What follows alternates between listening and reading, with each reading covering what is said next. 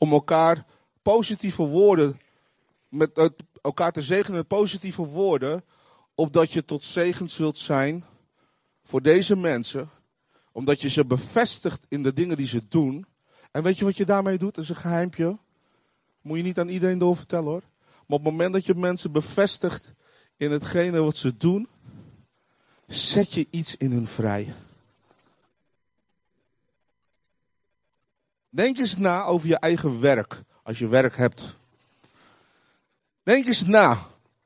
Als jouw leidinggevende naar jou toe komt en zegt: Pietje, goed gedaan, bedankt. Wat heeft het met je gedaan? Het heeft je in eerste instantie bevestigd in wie je bent en wat je hebt gedaan. En ten tweede, het heeft iets in je vrijgezet waarvan je denkt, ja, had ik nodig. En weet je, we werken hier in kerken vaak met allemaal met vrijwilligers. En dat zijn mensen die het doen naast hun drukke baan. En dan is het heel goed om elkaar gewoon te bevestigen in wie we zijn. En elkaar te bemoedigen. Cultuur van eer. En weet je, als we het daarover hebben, is dat gelijk direct een link naar aanbidding. Want weet u, als we het hebben over aanbidding, dan is het 9 van de 10 keer dat je denkt: oké, aanbidding, dat is muziek, dat is zang. En uh, ja, uh, uh, ja, misschien iets ouderen die, die hebben het over aanbidding is een levensstijl. Weet je wel, die, die hoor je ook heel vaak voorbij komen. Waar of niet? Hè? Um, de ander die, die vindt aanbidding, ja, dat is dat hele vage gedoe. Wat je net hebt gedaan. Jezus, Jezus. Uh, je, uh, voor iedereen is aanbidding zegt misschien iets anders. Maar weet je, ik, denk, en dat is, uh, dat is mijn interpretatie, en u mag een andere interpretatie hebben, dat mag. Maar ik denk dat aanbidding heeft ook te maken met het reageren op de stem en de beweging van de Heilige Geest. En daarin gehoorzamen en daarin meegaan. Ik geloof dat is een diepe dimensie van aanbidding. Het goede weten om te doen is één ding. Maar het goede doen is een tweede. En ik geloof op het moment dat wij uitstappen in hetgene om te doen, dat is volgens mij daadwerkelijk aanbidding. En dat kan soms gepaard gaan met een stukje schaamte voor jezelf waar je mee moet afrekenen. Dat kan soms gepaard gaan met een stukje pijn of verdriet wat er zit. Een stukje grieven wat daar ligt. Dat je dat moet loslaten. Mensen die jou misschien iets hebben aangedaan. Mensen die misschien iets tegen jou hebben gezegd. Wat jou heeft gekwetst. Maar waarvan je eigenlijk weet van ja, maar eigenlijk moet ik nu. Als ik daadwerkelijk zou doen wat God van mij vraagt. Dan moet ik over mijn, over mijn eigen gevoel heen stappen. Maar ik geloof op het moment dat je dat doet. Dat is volgens mij aanbidding.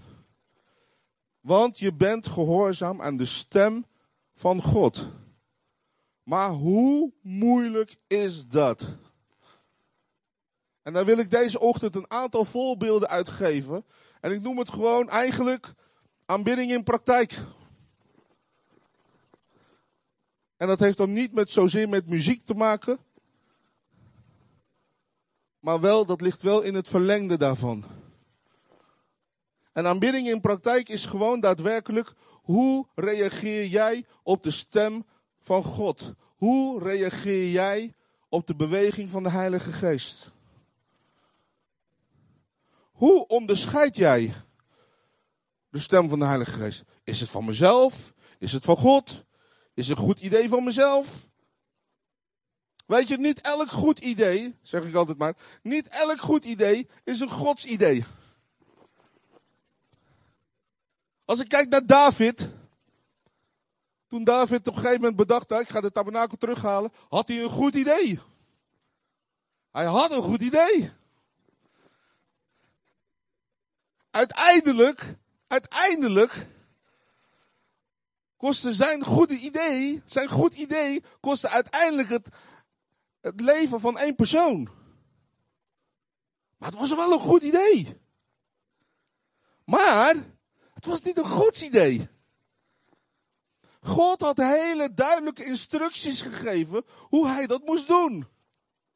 Maar hij dacht, ja, maar dat is zo ouderwets.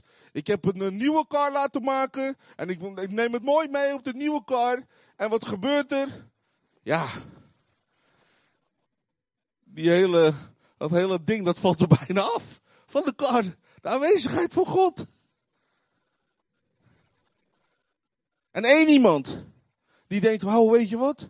Laat ik hem tegenhouden. Wat, er tegen, wat God valt. Even God een handje helpen. En wat gebeurt er?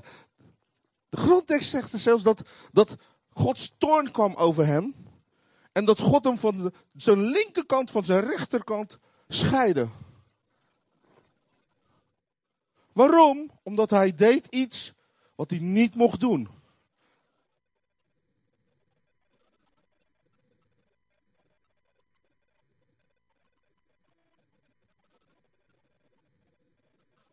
Het tabernakel viel bijna.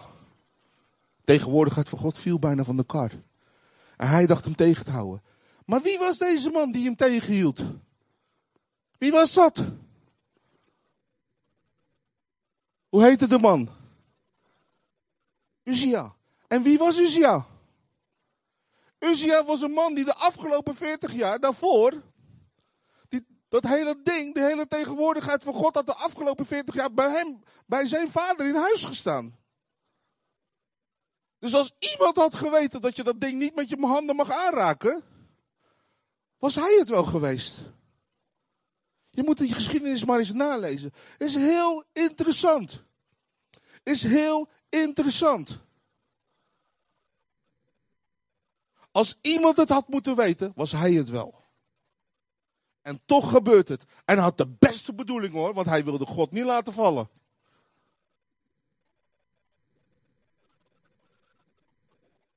En dan ligt de oorsprong dan toch. Ze hadden het nooit zo op die manier moeten doen. Dus grote vriend David, jouw goede plan had je voor jezelf moeten bewaren.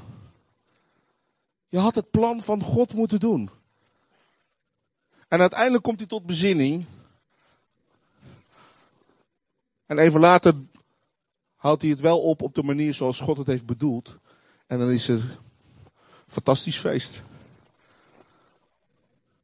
Maar weet je, in hoeverre luisteren wij naar de stem van God?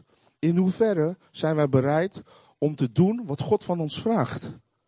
Soms geeft God hele duidelijke instructies, maar wat doe je ermee? Wat doe je ermee? Durf jij uit te stappen in geloof, in gehoorzaamheid? Als jij weet dat God dit van je vraagt. Als jij weet dat God dit van je vraagt, durf jij te komen? Durf jij te gaan? Ik vind het een mooi verhaal. Wat je zegt, als God tegen jou zegt, ja, ga Willem vragen. Ik denk dat ik heel zelf misschien had getwijfeld. Dan had ik misschien gezegd, Willem, waar, zit Willem? Kijk. Ik had misschien gezegd, nou Willem is een leuke vent. Zijn haar zit heel leuk. Um, maar ik denk dat ik het eerst aan mijn eigen vrouw zou vragen. Maar als God dan zegt nee, maar vraag Willem. Ja, maar wacht even. Ik heb hier ook nog andere mensen in de gemeente die ik ook ken. Ik vraag die wel. Maar weet je wat er gebeurt?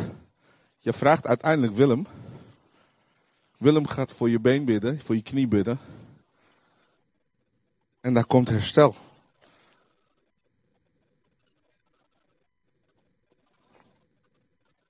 is gehoorzaamheid aan de stem van God. Is volgens mij een daad van aanbidding.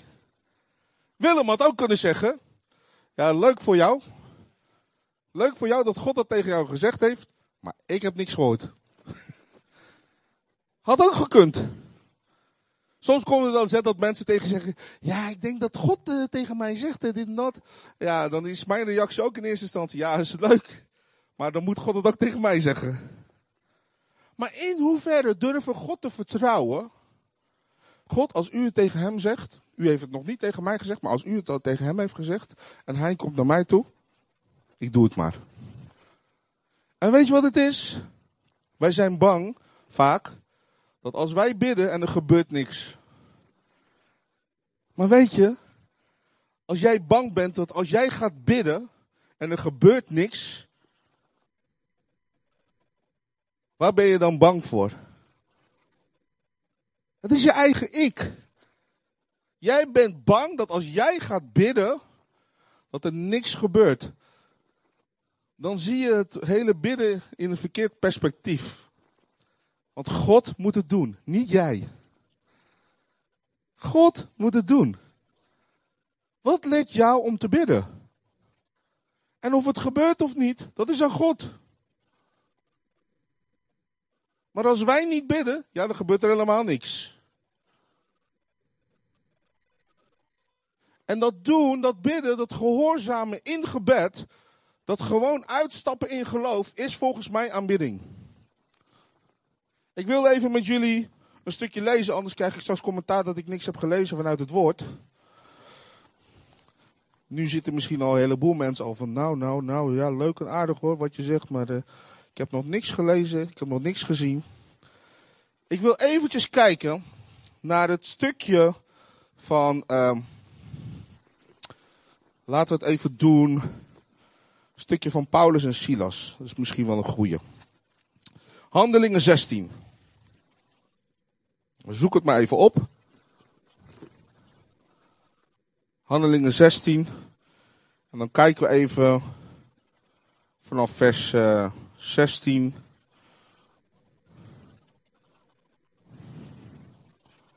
Tot, uh, wat is het? 24 of zo. Um, Handelingen 16. Hebben we het gevonden? Handelingen 16 vanaf 16. Een andere keer, ik lees uit de MBV-vertaling. Een andere keer toen we op weg waren naar de gebedsplaats, kwamen we een jonge slavin tegen die bezeten was door een geest en zo de toekomst kon voorspellen. Maar haar waarzeggerij verdiende, met haar waarzeggerij verdiende ze veel geld voor haar eigenaars.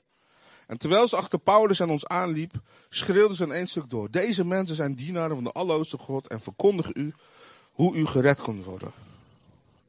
Nou, dat ging verschillende dagen zo door. Toen Paulus er genoeg van kreeg, sprak hij de geest toe. Ik beveel je in de naam van Jezus Christus, verlaat haar. En op dat moment ging de geest uit haar weg. Toen haar eigenaars merkten dat ze hun bron van inkomsten kwijt waren, grepen ze Paulus en Silas vast en sleurden hen naar het marktplein. Waar zijn voorleiden aan de stadsbestuurders en ze zeiden, deze mensen brengen onze stad in rep en roer. Het zijn Joden die een levenswijze verkondigen waarmee wij als Romeinen niet mogen instemmen en die we niet in praktijk, mogen brengen. Nou ja, ik, ik, vertel de rest even verder. Op een gegeven moment, uh, nou ja, wordt over hun lot beslist en moeten ze dus in de gevangenis. Ik denk dat dit zo'n moment is geweest. Kan je je voorstellen, zij maken een overtocht en zij komen daar aan en dan. Stel, ik loop daar met uh, Victor en uh, nog met wat mensen. En wij komen daar aan. Wij komen in Zutphen aan en dan komt een vrouw die loopt steeds om ons heen. Dit zijn de dienaren van God, bla bla bla bla bla. Ik denk dat we misschien in het begin zouden zeggen, wie is dat? Ken jij haar? Nee, ik ken haar niet. Oké, nou ja, oké, laat maar. Ik denk op een gegeven moment na een half uur wordt het misschien vervelend. En na een uur dan zal ik misschien denken, Victor, zeg jij er wat van of zeg ik er wat van? En ik denk na twee uur, denk ik, nu moet het echt wel stoppen, want nu begint het een beetje irritant te worden. Maar dit gaat maar door en door, hè. En ze liep al dagen rondom Paulus heen, Paulus en Silas. En op een gegeven moment kreeg hij de genoeg van Paulus. En hij bestraft die geest, want hij herkende de geest.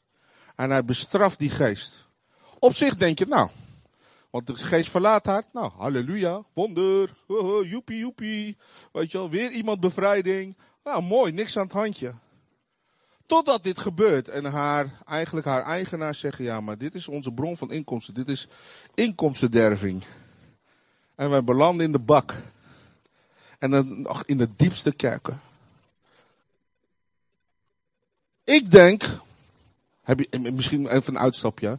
Stel dat wij dit waren geweest. Hè? Wij waren Paulus en Silas. Hij was dan Paulus, ik was dan Silas. Ik denk dat als hij er opgepakt zou worden. Ik denk dat ik heel eerlijk gezegd zou zeggen tegen de gevangenisbewaarder. Hé, maar ik heb niks gedaan hoor. Eh, eh, eh, ik was het niet, hij was het. En helemaal, moet je nagaan, ze werden gegezeld hè. Zo hé. Hé, je mag van alles tegen me zeggen, maar zodra je mij een klap gaat geven. Ik weet het niet hoor. Misschien dat mijn geestelijke mantel ook even afgaat. En ik je ga zegenen met een vijfvoudige bediening. Nee, nee. Nee, mag niet. Nee, maar weet je, moet je voorstellen waar ze allemaal doorheen moesten. Ik leg je de handen op. De vijfvoudige bediening. Nee. Wat, wat, wat zal het zijn? Wat zal het zijn? Ik zou echt wel zeggen, wow.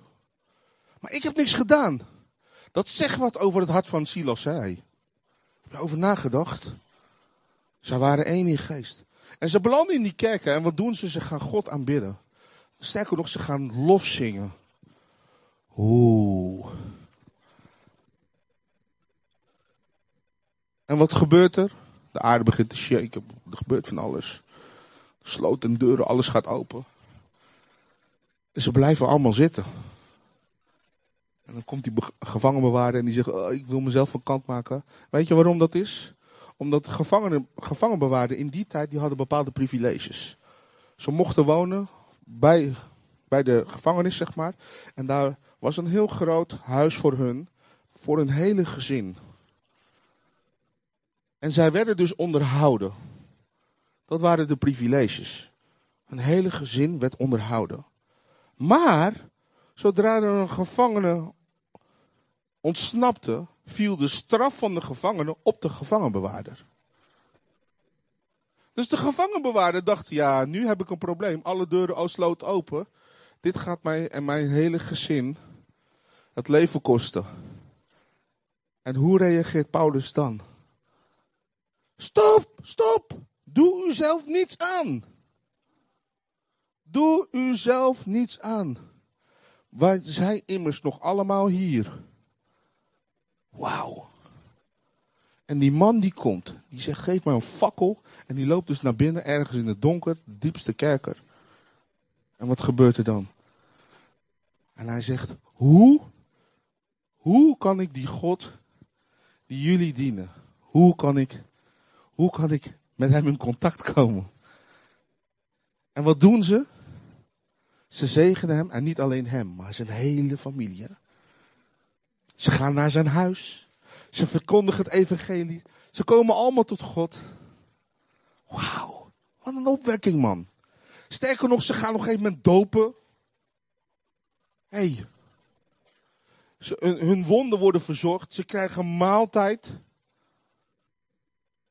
En wat gebeurt er daarna? Wat gebeurt daarna? Daarna belanden ze gewoon weer in de bak. En als dan de volgende dag het nieuws komt van je mag ze vrijlaten, Paulus en Silas, zitten ze in de bak. Hey, ik had het anders gedaan. Als ik Paulus en Silas was, samen met Victor. Hey, ik denk dat ik had gezegd aan het einde van de avond, midden in de nacht. Hé hey vriend, moet je luisteren. Ik heb je bij, uh, ik heb je kennis laten maken met God. We hebben je gedoopt. Je hele gezin is tot bekering gekomen. Bedankt voor het verzorgen van mijn wonden. Bedankt voor de warme maaltijd. Uh, voor wat hoort wat. Uh, wij zijn onschuldig. Wij zijn blijven zitten terwijl alle ketenen open waren. Alle deuren waren open. Dus dat laat wel zien dat we onschuldig zijn. Kunnen we een deeltje sluiten. Ja, had ik gedaan. Ik had gedaan, ik had gewoon gevraagd, hey, wil je ons alsjeblieft laten gaan? Maar weet je, zij, zij waren gewoon gehoorzaam. En zij moesten gewoon weer terug in die kerker. En wat gebeurt er de dag daarna? Zij worden in ere hersteld. Want uiteindelijk komen de bestuurders, die moeten hen zelf vrijlaten. Met andere woorden, God voorziet dat ze in ere worden hersteld. Weet je, wat zegt mij dat? Dat zegt mij dat soms aanbidding, soms kan jouw aanbidding, kan jou wel doen, uh, uiteindelijk doe je, ga je op een andere manier met de situatie om. Maar dat wil niet zeggen dat jouw situatie gelijk verandert. Dat wil niet zeggen dat als je voor iets bidt, dat dat gelijk verandert. Soms blijft de situatie zo. Maar dan komt een moment, daar komt een moment dat God je in ere gaat herstellen. En daar moet je aan vasthouden. Daar moet je aan vasthouden. Er komt een moment dat God je in ere gaat herstellen. Op het moment dat jij gaat reageren vanuit aanbidding, in gehoorzaamheid naar God toe. Daar komt dat moment. Ik vind het heel erg mooi om te zien dat als wij reageren op de stem van God en als wij goed handelen, dan komt dat moment dat God ons in ere gaat herstellen. Hoeven wij zelf niet te doen. Maar we moeten wel bereid zijn als een Paulus en Silas om die man te vertellen over het koninkrijk van God. Om zijn familie te vertellen over het koninkrijk van God. Om hen te dopen in de naam van Jezus. Ongeacht in welke situatie je zit. Je moet volgens mij ten alle tijde bereid zijn om te vertellen en te getuigen over God.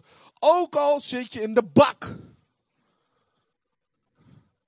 God gaat altijd gelegenheid vinden voor jou om te getuigen. En het is aan jou of je die daad van aanbidding doet. Gehoorzaamheid aan de stem van God. En dat gaat soms tegen je hele gevoel in. Omdat je zegt, ja ik voel me niet lekker, ik zit in de bak, ik ben gegezeld, bla bla bla. Terwijl ik een goed ding heb gedaan. Ik vind het niet eerlijk, God dit, ik baal van God, bla bla bla. En toch kan God je nog steeds gebruiken. En toch zal God je nog steeds gebruiken. En God zal jou in ere herstellen. Amen. Oh, dat zijn er zes. Amen. Dat zijn er twintig. Amen. Oké. Bent u nog wakker? Of, uh, ja? Nog één dingetje en dan ben ik klaar, want ik, ik, mag niet meer zo lang. Ja. Um, nou, wat ik eigenlijk ook, uh, dan moet je maar eens lezen over Abraham en Isaac. Dat is ook zo mooi, joh.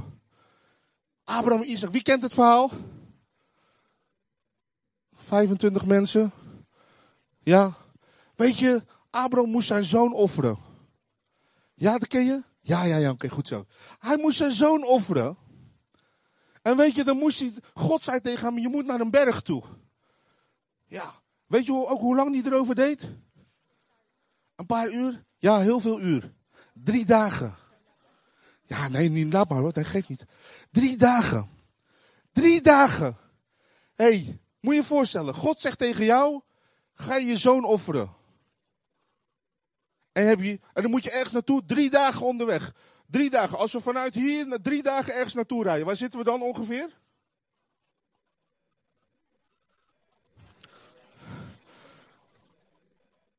Moskou. Als we die kant op rijden naar Moskou. Oké, stel je voor, jij zit in je auto. Je neemt twee mensen mee. Hij had twee knechten mee. En je zoon. En je zegt tegen je vrouw, uh, wij gaan er even vandoor. Hé, hey, heb je daar eens over nagedacht? Wat ga je tegen je vrouw zeggen? Oké, hij gaat. Drie dagen, lieve mensen. Het eerste uur denk ik misschien, ja heer, ik ga het doen voor u. Het tweede uur denk ik, wat ben ik eigenlijk aan het doen? Het derde uur denk ik, hé, is dit wel verstandig? Hé, hey, na één dag denk ik, ik weet het niet hoor. Wilt u nog een keer tegen mij praten? Wilt u nog een keer tegen mij zeggen? Hé, maar deze man gaat gewoon drie dagen op weg, hè? En dan ziet hij op een gegeven moment na drie dagen die berg. En wat zegt hij dan tegen die knechten? Jullie blijven hier. En ik ga, neem mijn zoon mee. En wat zegt hij dan? Ik ga de berg op om. Om te aanbidden. Oh. Ga eens even teruglezen dat.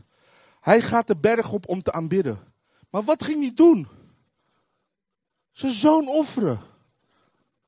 Maar wat deed hij daadwerkelijk ook daarmee? Hij ging doen wat God van hem vroeg. Dat is aanbidding. En dat kan soms zijn heel pijnlijk dat je moet offeren. Maar echt doen, inderdaad mevrouw. Echt doen. Eén ding is weten, tweede ding is om te doen. hey, en wat denk je wel, als ik Isaac zou zijn? Ja, ik ben zo iemand die uh, gaat allemaal, uh, wat zal, wat, wat, wat als, wat als, wat als. Hè? Maar als ik Isaac zou zijn, ik zou met hem meelopen en inderdaad, hé uh, hey pap, hebben we geen bokje mee? Nee, God voorziet, zegt hij dan nog, weet je wel. God zal voorzien. Oké pap, mooi hoor. Hey, en dan zegt hij op een gegeven moment, zegt, dat zegt het woord, Abraham die legt hem op een gegeven moment ergens neer en die bindt hem vast, hè. Hey, met alle respect. Maar als ik met mijn vader ergens naartoe ga en mijn vader zegt, Ivan ga even liggen. Ja, oké, okay, ga je doen. hey, zodra die begint met knopen en weet ik veel. Hij zegt tegen me, hey, pa, hey, hey, hey. Wat gaan we doen, wat gaan we doen? nee, nee, nee, nee, niks aan de hand. Niks aan de jongen. Blijf maar rustig liggen. Hey, hey, ho, ho, ho, ho. Maar dat lees ik nergens. En Abraham doet het gewoon, hè. Abraham die doet het gewoon. Een daad van aanbidding. Wees gehoorzaam aan de stem van God. En uiteindelijk voorziet God, hè. En God eert hem vanwege zijn getrouwheid en zijn bereidheid. In hoeverre ben jij bereid? In hoeverre doe je daadwerkelijk aanbidding in praktijk? Als laatste, als allerlaatste. Je hoeft niet op je klokje te kijken, is goed. Als allerlaatste, de vrouw met het albasten kruikje. Daar wil ik mee eindigen. Dat is mijn slotding. Voor degenen die het eh, thuis willen nalezen. Lucas 7 vers 36 tot en met, uh, nou wat zal het zijn, tot en met het einde van dat uh, stukje. Lucas 7. En daar wil ik mee eindigen. Wat ik zo mooi vind van dit verhaal. En waar ik jullie in wil meenemen. Tot en met vers 50 is doet het hele stuk. Daar komt deze vrouw. Deze vrouw waarvan men zegt, dat is een vrouw van lichte zeden. En deze vrouw die hoort dat Jezus in het huis van deze fariseer is. En moet je nagaan, hè? daar zullen waarschijnlijk allemaal mannen zijn. En daar komt in ene deze vrouw binnen. Want ze zaten er allemaal. Overal waar Jezus kwam was het druk, hè. Dus moet je je voorstellen. Ik denk dat, ik denk dat deze vrouw zo binnen is gekomen. Sorry. Sorry. Sorry. Ja, ja, ja. Op zoek naar Jezus. Want wat staat er? Sorry? Oh. Oké, goed zo. Mag. Maar wat deed, Jezus, of wat deed deze vrouw? Deze vrouw zocht heel bewust de plaats van aan de voeten van Jezus. Want Jezus lag aan aan de tafel. En zij, zij stond daar. Zij heeft waarschijnlijk tussen al die mannen door. Sorry, mag even langs. En er staat ook dat op een gegeven moment zeiden ze, hey, als, als Jezus had geweten wie deze vrouw was geweest, hadden ze dat, had hij dat nooit toegestaan. Dus sommige mensen herkenden haar, ongetwijfeld. En deze vrouw die komt en die weent bij de voeten van Jezus. En door de tranen van haar worden de voeten van Jezus eigenlijk gewassen. Ik weet het niet. Komt hij weer. Als ik Jezus zou zijn en ik zou daar liggen en een vrouw komt bij mijn voeten staan. En zodra ik de eerste traan op mijn voet voel, dan denk ik, hey. Zodra ik de tweede en de derde traan voel, dan denk ik, hey, oh, oh, oh. Ik, ik denk dat ik mijn voet gewoon eventjes zou terughalen. En zou zeggen, ik weet het niet maar uh, mijn voet wordt een beetje nat. Maar Jezus laat dit toe. En deze vrouw droogt de voeten van Jezus met haar haren. En hij laat het gewoon toe. En zij doet het gewoon. En dan, dan, dan oliet zij de voeten van Jezus. Dat is een daad van aanbidding, lieve mensen. Dat is een daad van aanbidding. En op een gegeven moment zeggen een heleboel mensen, ja, dit kan toch eigenlijk niet. En dan op een gegeven moment gaat Jezus praten. Dan heb ik het over weer datzelfde wat ik net had. Hè. God gaat je in ere herstellen. En wat zegt Jezus over deze vrouw? Jezus spreekt eerst de huiseigenaar toe. Hé, hey, ik kom binnen, je hebt mijn voeten niet gewassen, bla bla bla. Deze vrouw heeft het gedaan. Dit en dat, zo zo. Deze vrouw heeft met geurige olie mijn voeten ge geolied, bla bla bla. Hij krijgt eigenlijk een beetje lik op stuk. Die eigenaar van het huis. En dan zegt Jezus, wat zegt Jezus tegen deze vrouw? Oh, dat vind ik zo mooi. Laten we dit lezen. Lucas 7, en dan ga ik echt sluiten. Ja, dat zei ik net ook. En dat ga ik straks nog een keer zeggen. Vers 47.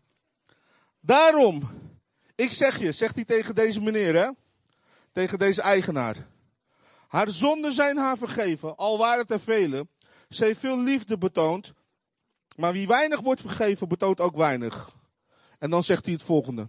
Vers 48.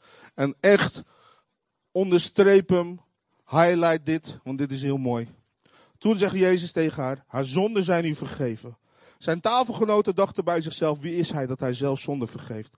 En hij zei tegen de vrouw, uw geloof heeft u gered, ga in vrede. 7, vers 48 en vers 50. Uw zonden zijn u vergeven, uw geloof heeft u gered, ga in vrede. Wat gebeurt er als jij in vertrouwen, in geloof, een daad van aanbidding doet? Je ontvangt, vers 48, vergeving. Vers 50, uw geloof heeft u gered. Je ontvangt behoudenis. En het allermooiste is, wat hij dan daarna zegt, ga in vrede. Je ontvangt vrede. En waar is deze wereld naar op zoek? Vergeving, redding en vrede.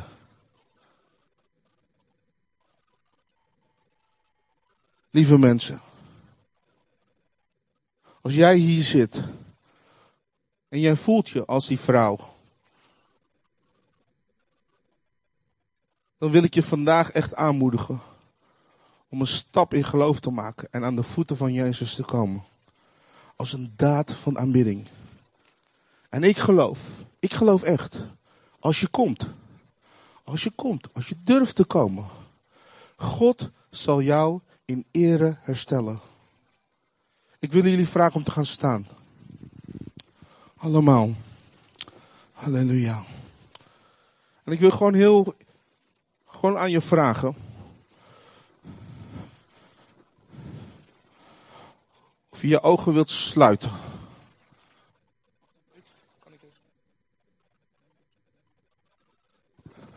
Ik wil vragen om je ogen te sluiten. Sluit je ogen. Uit respect naar elkaar toe. Niet om eng te doen, maar gewoon uit respect naar elkaar toe. Als jij hier bent en jij staat hier. En jij hebt of vergeving nodig, of redding, of bevrijding, of vrede. Wil ik jou vragen om een moment je hand op te steken. Terwijl iedereen zijn ogen gesloten houdt. Dankjewel, ik heb je hand gezien. Je mag naar beneden. Dankjewel, ik heb je hand gezien. Dankjewel, ik heb je hand gezien. Dankjewel. Dankjewel, ik heb je hand gezien. Achterin, dankjewel. Ik heb je hand gezien. Ik heb je hand gezien. Dankjewel. Hier vooraan, dankjewel. Vooraan. Ik heb je handen gezien. Dankjewel, ik heb je hand gezien. Ik wil je nog de gelegenheid geven. Om een daad van aanbidding te doen, om je hand omhoog te steken. Ik ga je niet naar voren halen. Ik ga je niet vragen om naar voren te komen. Dankjewel, ik heb je hand gezien. Dankjewel, ik heb je hand gezien. Achterin, hier voorin, dankjewel. Achterin, dankjewel, ik heb je hand gezien. Dankjewel, ik heb je hand gezien. Dankjewel, ik heb je hand gezien. Als een daad van aanbidding. Nogmaals, dankjewel. Ik heb je hand gezien. Ik ga je niet naar voren. Dankjewel, ik hier vooraan. Ik heb je hand gezien. Dankjewel. Ik heb je hand gezien. Aan de zijkant, ik heb je hand gezien. Dit is het moment waarop God jou in ere gaat herstellen. En ik wil je echt aanmoedigen. En ik wil je ook echt op het hart drukken. Dat God je in ere herstelt. Dat wat er ook leeft. Wat er ook aan je kleeft. Wat ook jou bezighoudt. Wat ook zeer doet. wat ook pijn doet, waar je niet van los kan komen. In de naam van Jezus proclameer ik in de naam van Jezus dat je vrij zult zijn van alles wat jou vasthoudt. En proclameer ik dat deze daad van aanbidding, het feit dat je je hand omhoog hebt gestoken en hebt gereageerd op de oproep, proclameer ik als een daad van aanbidding en ontvang genezing in de naam van Jezus. En ontvang redding, ontvang herstel, ontvang vrede, ontvang bevrijding in de naam van Jezus. Ontvang het nieuwe leven in de naam van Jezus. Ontvang het. Ontvang het. En neem het mee. En weet dat je geloof je heeft behouden. Zoals Jezus dat tegen die vrouw zegt. Uw geloof heeft u redding gegeven. Jouw daad van aanbidding van vanmorgen is een daad van aanbidding waarin God jou redding geeft. En redding schenkt en jou in ere gaat herstellen. God gaat jou in ere herstellen. In de naam van Jezus. Wees niet bang, maar weet, weet, weet dat God jou in ere heeft hersteld. Wees niet bang. God heeft jou in ere hersteld. God heeft jou in ere hersteld. Is dit jouw vriendin? Je tante. Geef haar even een huk, alsjeblieft. Kura Mashana. God heeft jou in ere hersteld. Ontvang het ereherstel in de naam van Jezus. Ontvang ereherstel in de naam van Jezus. God heeft jou in ere hersteld. Lieve Vader in de hemel, ik dank u voor deze mensen. Ik dank u voor deze fantastische gemeente. Ik dank u voor deze lieve mensen die u op het oog heeft. Zoals we hier staan met elkaar. Heer, u heeft de daad van aanbidding gezien van de mensen die hun hand hebben opgestoken. Heer, u heeft de daad van aanbidding gezien. Heer, u gaat ze in ere herstellen. U gaat ze in ere herstellen. Dank u wel dat we op die belofte mogen staan. Dank u wel dat we in die vrijheid mogen staan. Dank u wel dat we mogen gaan en dat we mogen weten dat u tegen ons zegt: ga in vrede. Heer, wij danken u daarvoor. Wij danken u daarvoor.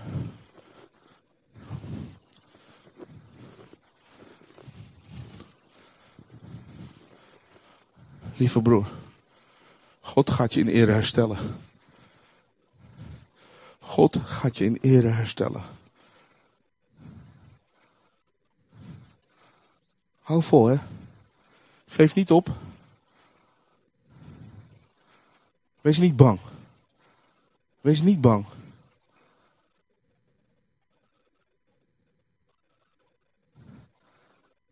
Je zal misschien net als de vrouw door een stuk schaamte heen moeten gaan. Maar God gaat je in ere. Ik ken jouw verhaal niet. Maar ik wil tegen je zeggen. Ga door de menigte heen. En kom aan de voeten van Jezus. Kom aan de voeten van Jezus. Voel je niet te groot om aan de voeten van Jezus te komen. Voel je niet te groot om de tranen te laten bij de voeten van Jezus. Is dit je vrouw? Is je zoon? Geef elkaar een huk. Hou elkaar even vast. Hou elkaar even vast. Sla een arm om haar heen. Lieve vader, ik bid voor dit gezin in de naam van Jezus. Vader, ik bid voor eerherstel in de naam van Jezus. Heer, wat er ook is gebeurd. Heer, we sturen het terug naar de krochten der duisternis. Heer, en we zetten ze vrij in de naam van Jezus. We zetten dit gezin vrij. En u gaat dit gezin in ere herstellen. Dank u wel in de naam van Jezus. U gaat het in ere herstellen.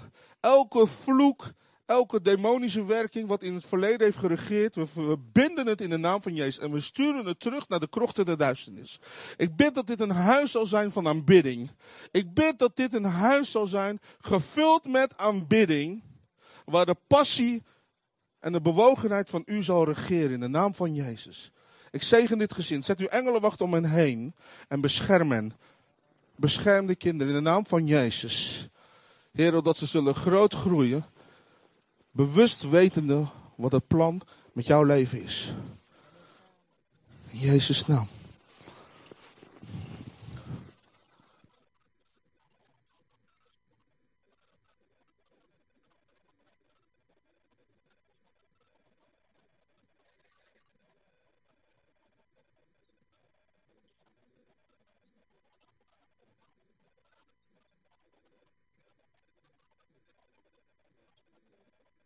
Kijken of ik geluid heb, ja.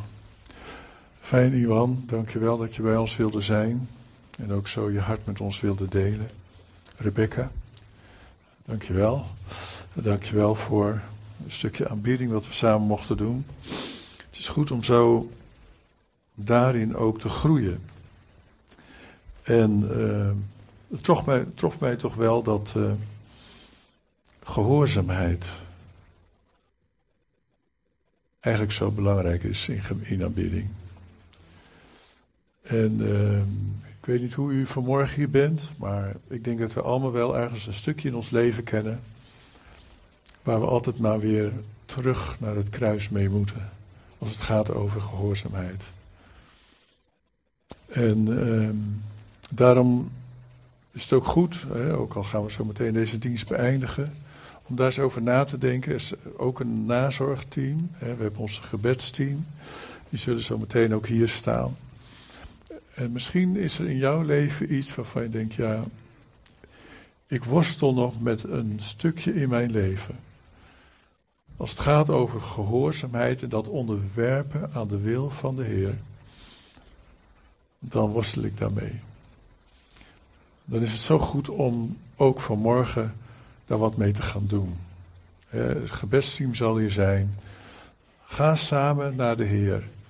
En zeg, dit is het stukje wat ik nog moet onderwerpen aan de wil van God.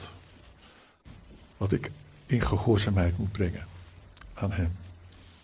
En eh, het gebedsteam zal er hier ook beschikbaar zijn. Ze komen zo naar voren. Vader in de hemel, dank u wel voor Rebecca. Dank u voor Iwan. Dank u voor uw gezin.